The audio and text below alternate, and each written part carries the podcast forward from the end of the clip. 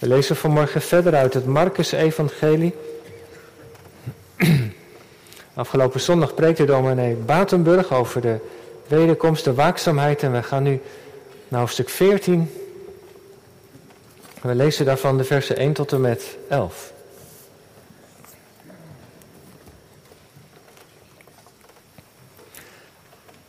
Het woord van God voor deze morgen. En na twee dagen was het Pascha en het feest van de ongezuurde broden. En de overpriesters en de schriftgeleerden zochten naar een manier om Jezus door een list te grijpen en te doden. Maar ze zeiden, niet tijdens het feest, zodat er misschien niet opschudding onder het volk ontstaat.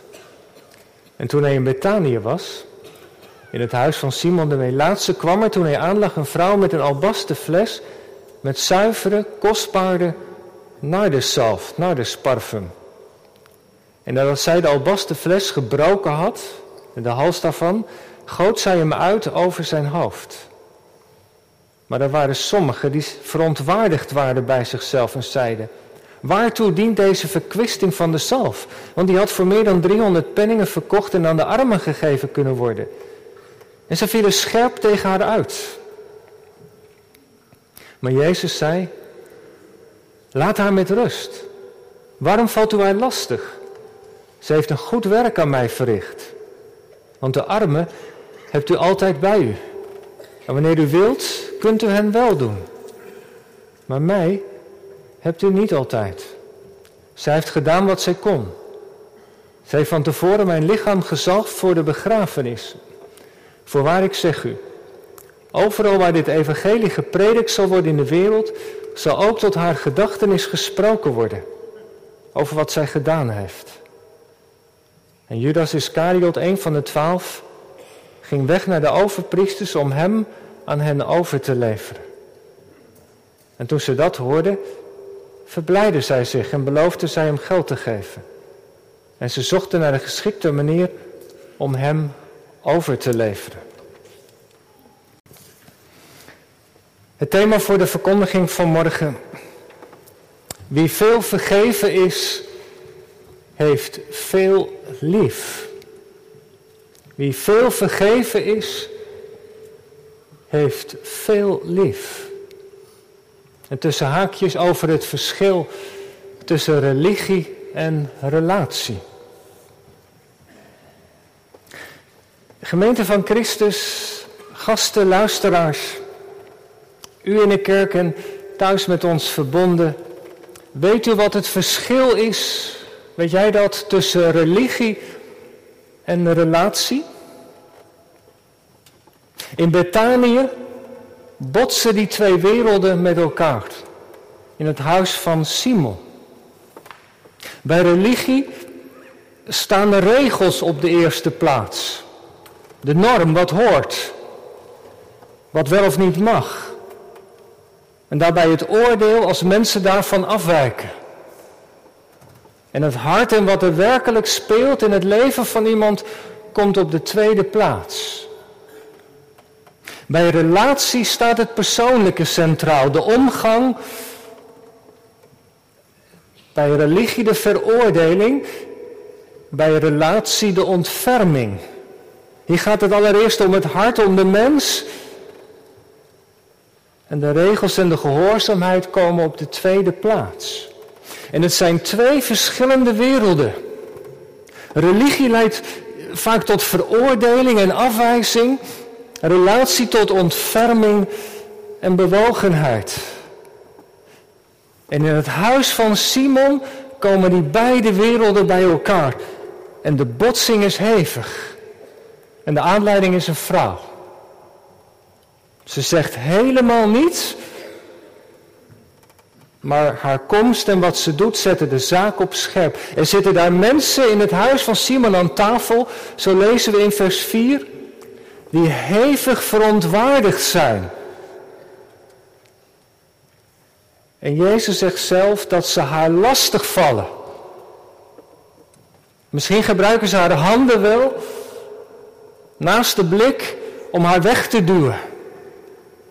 Hevig verontwaardigd. Hier zien we religie aan het werk. Maar Jezus neemt het op voor die vrouw. Hij bestraft degene die zoveel tekeer gaan tegen, tegen haar. Hij kijkt met een blik vol ontferming naar haar. En hij ontvangt wat ze te bieden heeft. Hier zien we relatie aan het werk. Religie of relatie, een wereld van verschil. De ene leidt tot de dood en de ander tot het leven. En wat heeft de Heer Jezus veel te stellen gehad met de religieuze leiders van het volk en met de hardleersheid van zijn eigen discipelen? En wat was de Heer Jezus geliefd bij hoeren, tollenaars en zondaars? Hoe kan dat? Wat is daar het geheim van? Waarom zij wel? We ontdekken het vanmorgen in wat in het huis van Simon gebeurt. Jezus is in Betanië, klein dorpje drie kilometer bij Jeruzalem vandaan. Een dorpje wat, waar hij regelmatig kwam.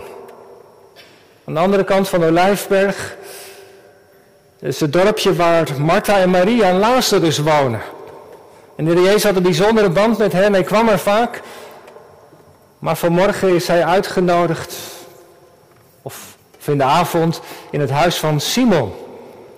En zo zegt Marcus, Simon de Melaatse. Simon die vroeger een huidziekte had gehad, daarvan was genezen. Maar er wordt nog steeds genoemd bij het defect wat hij had. Zo kennen de mensen hem immers. Simon de Melaatse. Soms gebeurt dat, hè? Dat er iets in het leven van iemand gebeurd is. En dat mensen nog steeds je daarmee verbinden. Een bijnaam hebben, een etiket wat je niet zomaar meer kwijtraakt. Simon, oh ja, de Melaatse. En Jezus is bij Simon, vermoedelijk met enkele van zijn discipelen, zijn ook andere mensen uitgenodigd. En ze liggen aan tafel. Dat was in die tijd gebruikelijk. En de mannen zaten vaak gescheiden van de vrouwen, ieder in een eigen ruimte. Dat waren de conventies van die cultuur, van de Oosterse cultuur. En nu is de evangelist Marcus, in wat we hebben gelezen vanmorgen, bijzonder sober in zijn vertelling van de gebeurtenis. Want wat er in het huis van Simon gebeurt, kunnen we in alle vier de evangeliën vinden. Marcus vertelt helemaal niets over Simon. Hij is gewoon de gastheer en heeft de Jezus uitgenodigd. Waarom? Belangstelling misschien. Maar zelfs dat vertelt Marcus niet. De evangelist Lucas is veel uitvoeriger over deze gebeurtenis. Het heeft volgens Lucas bij de maaltijd aan alle essentiële dingen ontbroken. De voeten van de gasten zijn niet gewassen, in ieder geval niet van Jezus. De zon brandt hevig, het zijn stoffige dagen. Je loopt met je sandalen door de straten, helemaal onder het stof, bezweten voeten, die worden gewassen, want anders kun je niet aanliggen aan tafel. En de parfum, om de zweetgeur te verdrijven, en de kus die werd gegeven, het had aan alles ontbroken, vertelt Lucas.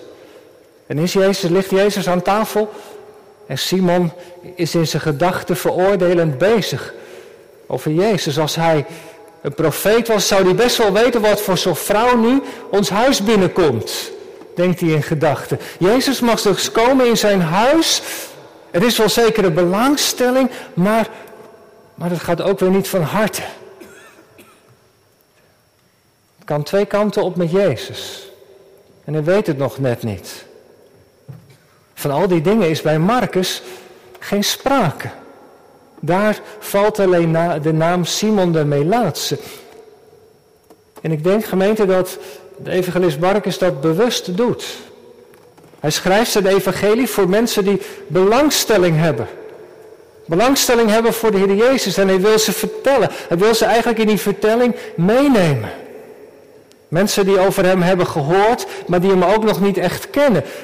En misschien schrijft hij wel zo dat ze zich op een of andere manier met die Simon kunnen identificeren.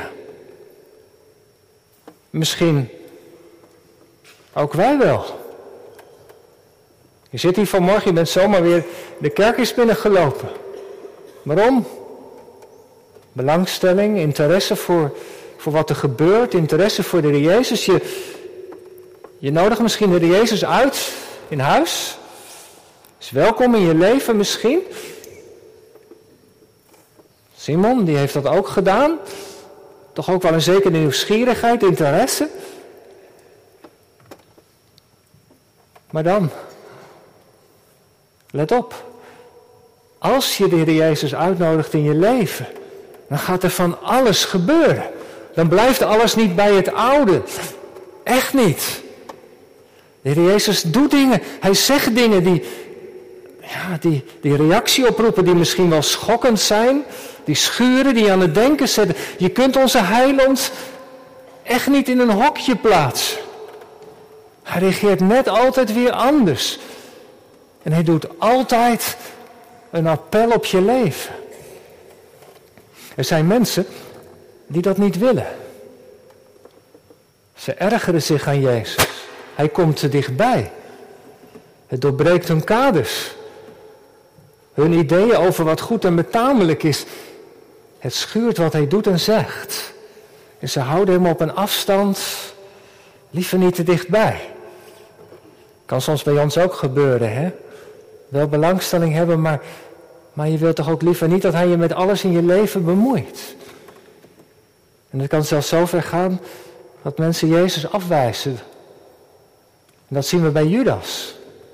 Dat wat, wat aan die maaltijd gebeurt is voor hem de aanleiding om er vandoor te gaan, naar de overpriesters te gaan en Jezus als het ware te verraden.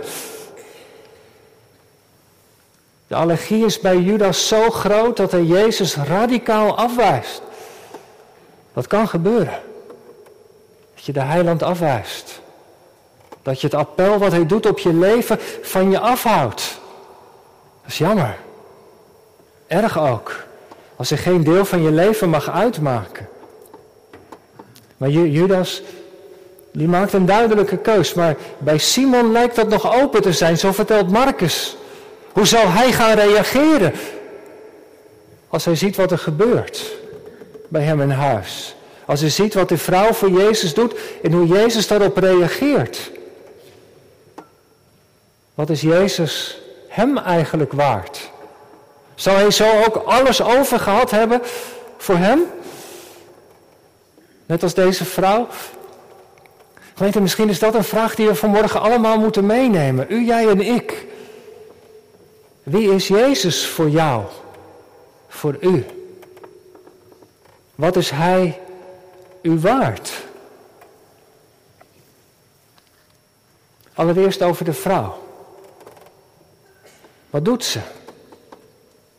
Ze heeft gehoord dat Jezus bij Simon is. En ze gaat naar die Jezus toe. Er is bij haar een bepaalde vastberadenheid, dat merk je. Dit is wat ze wil doen. En ze gaat het huis binnen. Ze gaat naar dat mannenverblijf. Want er is maar één ding wat ze wil naar de Heer Jezus toe. En afkeurende blikken, de kritiek, het kan haar niet deren. Ze is vastberaden, ze gaat Jezus salven. En ze heeft een kleine fragiel kruikje bij zich. Gevuld met een parfum. Het kleine flesje wat daar staat komt uit Israël. Dat is ook nardusparfum, de nardusmirre. Hele kostbare parfum. Moest in die tijd helemaal uit de Himalaya komen. de nardusplant.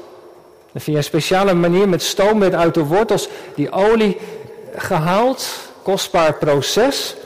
Kostbaar gebeuren ook, want het moest helemaal vanuit de Himalaya naar het Midden-Oosten worden getransporteerd per kameel. Zo'n klein flesje, 300 penningen. En een penning was het dagloon van de arbeider. Iemand moest er 300 dagen voor werken. Laten we zeggen, bijna heel jaar salaris. Zo'n klein flesje. De vrouw breekt de hals, dat was gebruikelijk. En ze giet dat flesje over het hoofd van de Jezus uit. En vandaag gaat het naar beneden. Helemaal wordt Jezus gebaat in de geur van deze dure parfum. En dan moet u weten, uitleggers wijzen daarop dat het in die tijd niet ongebruikelijk was om zo'n dure parfum in huis te hebben.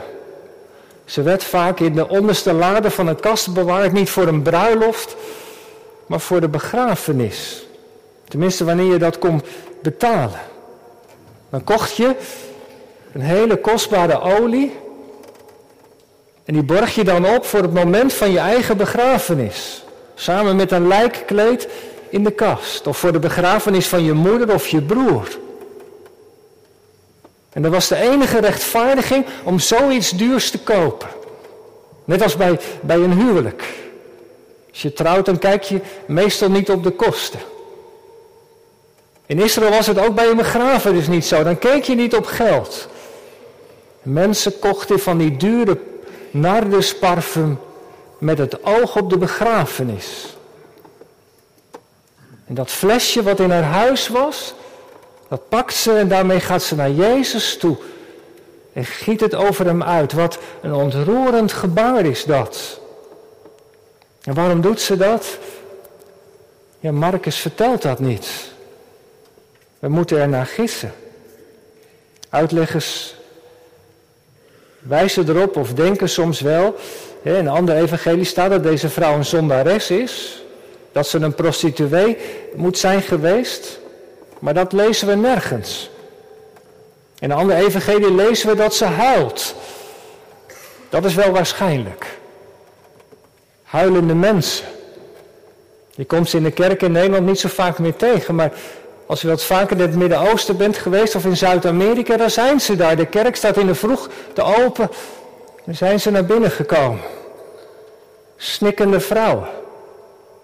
Voorovergeknield hier bij het koorhek. De banken die daarvoor staan.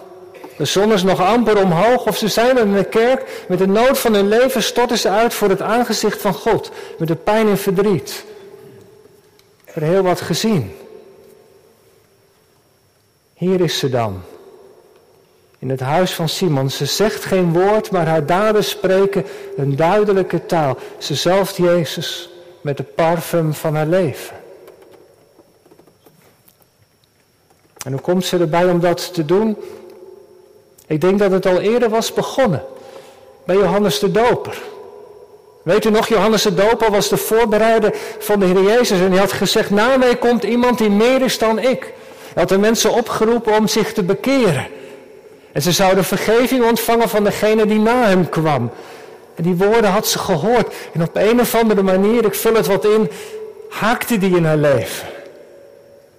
En toen, toen had ze naar Jezus zelf geluisterd. Ze hing aan zijn lippen. Hij sprak dat hij gekomen was om mensen te redden en te behouden. Dat was zijn missie. En ze had via de Heer Jezus over de Heere God gehoord. Een God die alles van haar weet. En haar toch lief had. Iemand die haar niet afschrijft en al gaandeweg was er een verlangen gekomen in haar hart. Ze had de balans misschien wel van haar leven opgemaakt. Is dit het nu? Wat ik heb gedaan, wat ik heb meegemaakt, de gebrokenheid, de eenzaamheid, de afwijzing, geen geluk in je hart, geen diepe vrede. En toen Jezus sprak over verzoening, over vergeving, over dat je opnieuw kon beginnen en dat je daarvoor bij Hem moest zijn. Toen was er wat in haar hart gebeurd. Toen begon het te stromen. Dat is wat ik wil. Dat is wat ik nodig heb. Ik moet bij Hem zijn. En dan gloorde hoop in haar leven van een nieuw begin. Er waren natuurlijk wel veel meer mensen die de boodschap van de Heer Jezus hadden gehoord. Zeker wel. Mooi gezegd, meester. Ze knikten instemmend, maar gingen over tot de orde van de dag. Maar bij haar niet. Bij haar niet. Ze komt in beweging. En daar gaat het om. Als je over de Heer Jezus hoort, als je het evangelie hoort, dat je niet blijft zitten, maar in beweging komt. En ze zoekt hem op met de kostbare schat van haar leven. En in de nabijheid van de heiland verandert alles. Net als ze Jezus nadert, voelt ze kracht van hem uitgaan. Zijn heiligheid roept de onreinheid in haar leven aan het licht. Als in een film passeerden de dingen in haar leven. Haar zonde, haar wonden. Haar verdriet en pijn, ze huilt. Ze heeft berouw. En tegelijkertijd ontdekt ze dat in de houding van de Jezus zoveel liefde, zoveel ontferming is, zoveel geduld, zoveel genade, zoveel acceptatie. Niet van de zonde, maar van de zondaar. Dat ze hem zalft en eert als de koning van haar leven. En in die weg ontvangt ze vergeving en een nieuw begin. Zo vertelt Lucas haar. Ze wordt als een magneet door de Jezus aangetrokken. Want ze ziet hem in hem de liefde van God. Zo zuiver, zo mooi. Dat kennen ze niet van huis uit. En ze wil Jezus eren met het mooiste en zuiverste wat ze in huis heeft. En ze giet dat over de heiland uit. Jezus, alles geef ik u. Wat ik ben en heb en wat ik ooit zal zijn. Het is alles voor u. Het is alles door u. Het is alles tot u. Wat zou jij doen? Oog in oog met Jezus. De reactie aan tafel is nogal verschillend. Wat ze doet roept bij een aantal mensen diepe verontwaardiging op. Eerst was er al het feit dat ze zomaar de maaltijd verstoort en bij een mannenvertrek binnengaat. Vervolgens eist ze Jezus helemaal voor zichzelf alleen op. En dan nog die geur. Die overvloed van parfum. Wat een verkwisting. Wat een dwaasheid. Aan tafel groeit bij sommigen de ergernis. Ja, zo werkt religie. Maar wat doet Jezus? Vier dingen zegt hij tegen haar en over haar. Het eerste is dit, ze heeft een goed werk gedaan. En dat Griekse woordje kalos betekent mooi. Ze zegt tegen die vrouw, vrouw, je hebt iets moois gedaan vandaag. Je hebt gegeven wat je had. En het tweede, ze heeft ook iets heel passends gedaan. Want ze heeft het moment benut, het was nu of nooit. Ze zag haar kans om iets te doen wat ze later niet meer zou kunnen doen. Iets wat je maar één keer in je leven kunt doen. Dat kruikje wat bewaard is voor je begrafenis, kun je maar één keer over iemand leeggieten. En dat was het moment. En weet u, soms zijn er momenten in je leven die je moet benutten. Het is nu of nooit. Soms zijn er van die kansen die je krijgt die je laat liggen. Ik merk dat nog wel eens rond een begrafenis. Wanneer iemand overlijdt, zijn er familieleden soms die spijt hebben. Dat ze hun leven de kans hebben gemist. De kans benut om vergeving te vragen, om zich met iemand te verzoenen. Om iets voor hem of haar te doen. Om tegen iemand te zeggen hoeveel ze van die persoon hielden.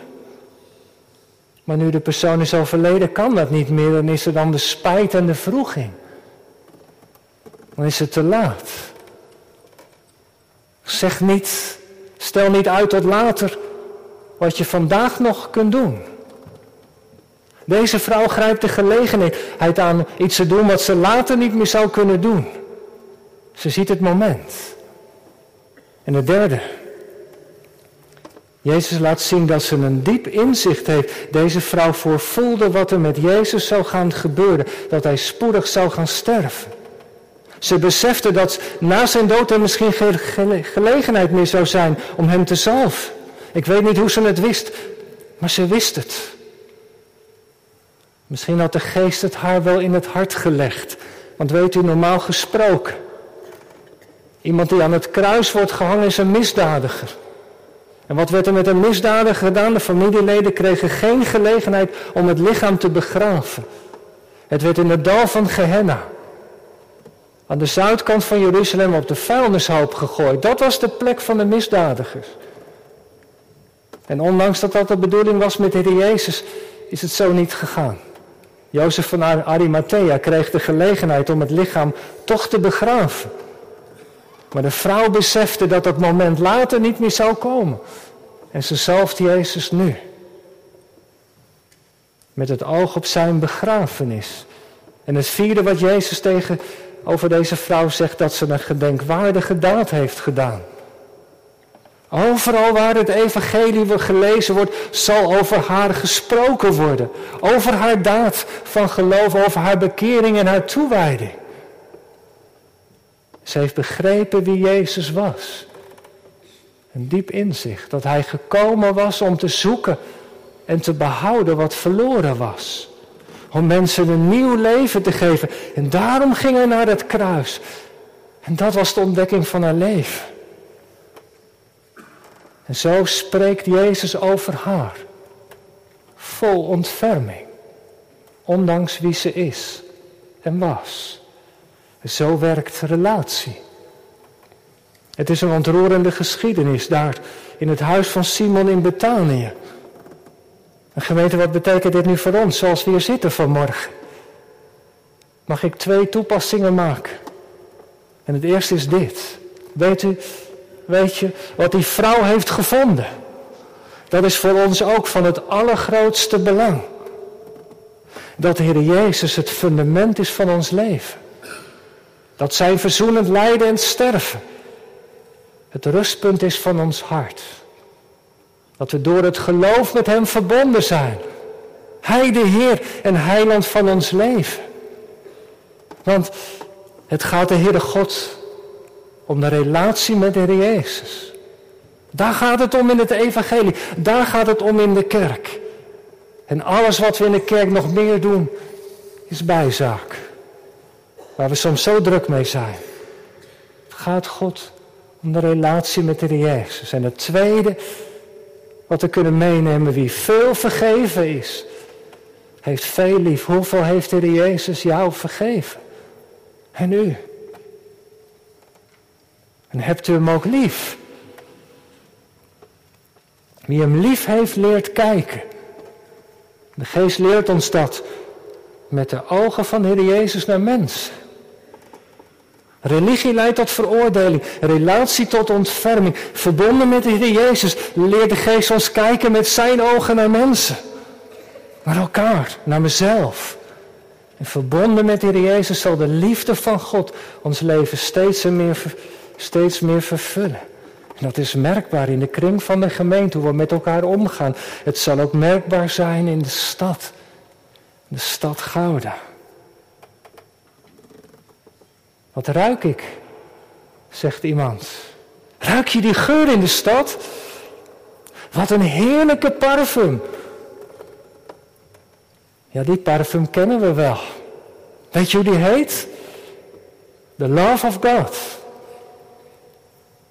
De liefde van Christus verspreidt zich door de stad als een heerlijke geur. Mag het zo zijn? Amen.